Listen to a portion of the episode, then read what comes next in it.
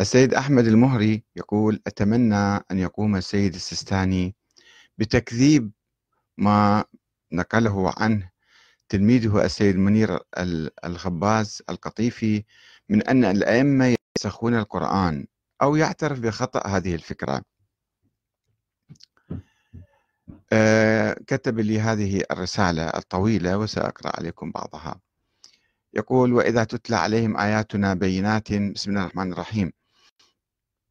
وإذا تتلى عليهم آياتنا بينات قال الذين لا يرجون لقاءنا ائت بقرآن غير هذا أو بدله. قل ما يكون لي أن أبدله من تلقاء نفسي. إن أتبع إلا ما يوحى إلي إني أخاف إن عصيت ربي عذاب يوم عظيم. قل لو شاء الله ما تلوته عليكم ولا أدراكم به فقد لبثت فيكم عمرا من قبله أفلا تعقلون؟ فمن أظلم ممن افترى على الله كذبا أو كذب بآياته إنه لا يفلح المجرمون.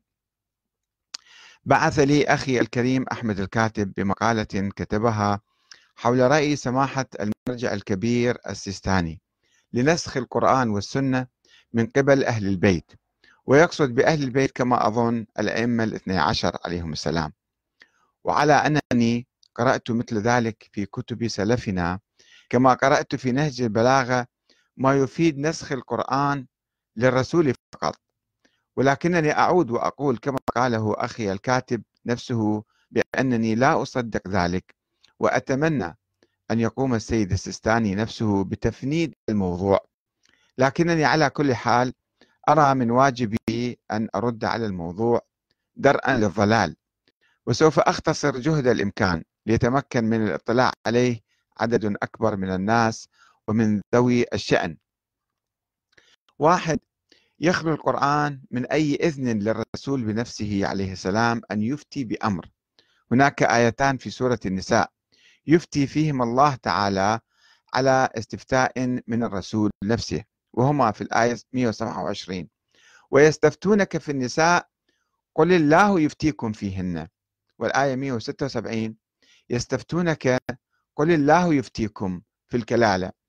ظاهر الآيتين يدل على أن الرسول ليس مأذونا بالتشريع. لكننا لو وجدنا آية أخرى في القرآن تبيح له عليه السلام أن يقوم بالتشريع لقلنا بأن الله تعالى منعه أن يفتي في الموضوعين المذكورين في سورة النساء فقط. لكنني بقدر علمي المتواضع لم أجد إطلاقا أي آية تسمح للرسول بالفتوى. اثنين آه لحظة لو سمحتم أيضا.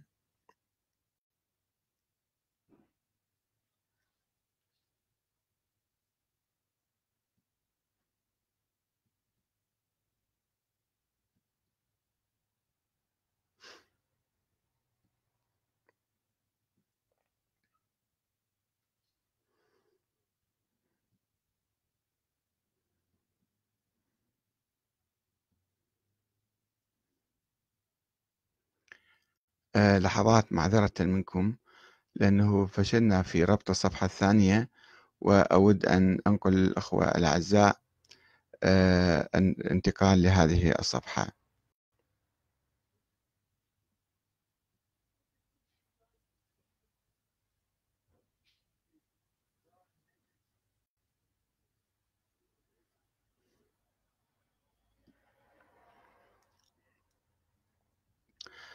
آه نعم. آه اثنين آه السيد أحمد المهري يواصل كلامه فيقول نقصد بالفتوى الرأي الملزم للناس شرعا ولا نقصد به مجرد الرأي فإن من حق كل شخص أن يبدي رأيه في كل ما يشاء من أمور لكن ذلك ليس ملزما لأحد. ثلاثة يصرح القرآن الكريم بأن الرسول بشير ونذير ولا يقول بأنه عليه السلام مشرع. قال تعالى في سورة فاطر إن أنت إلا نذير إنا أرسلناك بالحق بشيرا ونذيرا وإن من أمة إلا خلا فيها نذير. وقال تعالى في سورة الأعراف كتاب أنزل إليك فلا يكن في صدرك حرج منه لتنذر به وذكرى للمؤمنين. اتبعوا ما أنزل إليكم من ربكم ولا تتبعوا من دونه أولياء قليلا ما تذكرون. فمن واجب المسلمين أن يتبعوا القرآن وحده ولا يجوز لهم أن يتبعوا غير القرآن أو يتخذوه مرجعا لهم. فنحن ننتظر من سماحة السيد السيستاني أن يطلعنا على آية كريمة تسمح للبشير النذير عليه السلام يعني النبي محمد صلى الله عليه وآله وسلم أن يقوم بتشريع أو يأتي بآية يأمرنا ربنا فيها بأن نتبع الكتب التي خطتها يد البشر كائنا من كانوا. أربعة يستند فضيلة السيد السيستاني على أحاديث مروية من أئمة أهل البيت المعروفين لدينا نحن الشيعة ولذلك نسأله هل هناك أمر أو إذن في القرآن بأن نتبع غير القرآن؟ خمسة لاحظت بأن الكثير من السنة والكثير من الشيعة يستندون على آية من سورة الحشر للاستدلال بلزوم الأخذ بما قاله الرسول بدون القرآن الكريم وهي هذه ما أفاء الله على رسوله من أهل القرى فلله وللرسول ولذي القربى واليتامى والمساكين وابن السبيل كي لا يكون دولة بين الأغنياء منكم. وما أتاكم الرسول فخذوه وما نهاكم عنه فانتهوا. واتقوا الله إن الله شديد العقاب. للفقراء المهاجرين الذين أخرجوا من ديارهم وأموالهم يبتغون فضلا من الله ورضوانا. وينصرون الله ورسوله أولئك هم الصادقون. إنهم في الواقع يقطعون الآية تقطيعا فكأنهم جعلوا القرآن عظيم. الآية والتي بعدها تشيران إلى غنيمة اغتنمها المسلمون دون حرب فيمنحها الله تعالى للفقراء المهاجرين. ويقول سبحانه قبلها في نفس السورة وما أفاء الله على رسوله منهم فما أوجفتم عليه من خيل ولا ركاب ولكن الله يسلط رسله على من يشاء والله على كل شيء قدير. فكأنه سبحانه يقول بأنها ليست غنيمة عامة لأنكم ما أوجفتم عليها من خيل ولا ركاب. ولكن الله تعالى سلط رسوله على من يشاء دون أي مساعدة منكم. ليس للصحابة أي حق فيها. فيما أفاء الله تعالى على رسوله فهي مال خالص لله وهو الذي أمر رسوله بأن يدفعه لفقراء المهاجرين.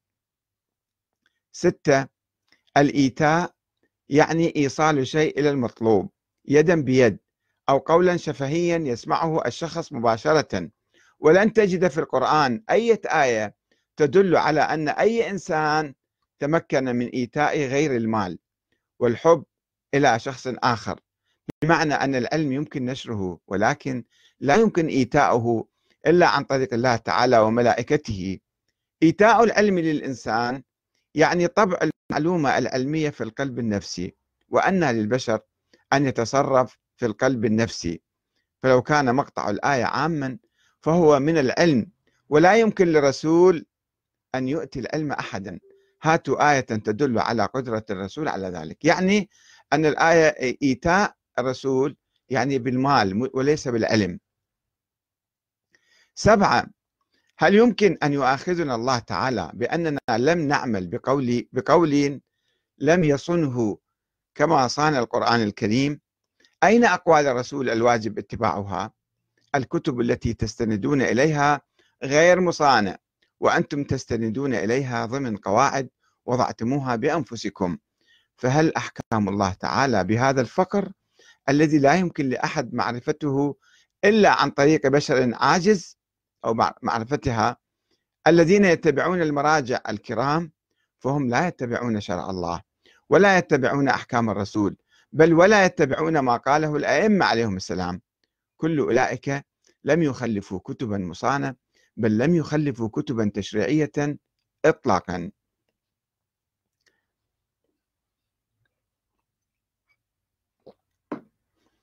ثمانية السيد السيستاني إنسان ارتضاه بعض المسلمين الشيعة ليكون زعيما لهم. هذا من حقهم أن يختاروا من يحكمهم. ولكن هل للسيستاني أو أي مرجع أو أي إمام أو أي نبي أن ينسخ أحكام الله تعالى في القرآن الكريم؟ قال تعالى في سورة يونس وإذا تتلى عليهم آياتنا بينات قال الذين لا يرجون لقاءنا ائت بقرآن غير هذا أو بدله قل ما يكون لي أن أبدله من تلقاء نفسي إن أتبع إلا ما يوحى إلي. إني أخاف إن عصيت ربي عذاب يوم عظيم. يعني النبي ما يتمكن ينسخ القرآن. إلى آخر الآية التي قرأناها عليكم. يقول الله تعالى هذا واجب فهل لأحد غيره سبحانه أن يغير ذلك الحكم؟ أليس ذلك تكذيبا لآيات الله النافذة الواجبة العمل بها للناس جميعا؟ تسعة يقولون بأن الأئمة يفسرون القرآن أو بأن التشريع الذي يكتبونه بأنفسهم هو شرع الله تعالى فهل هم آلهة؟ وأما تفسير القرآن فإنه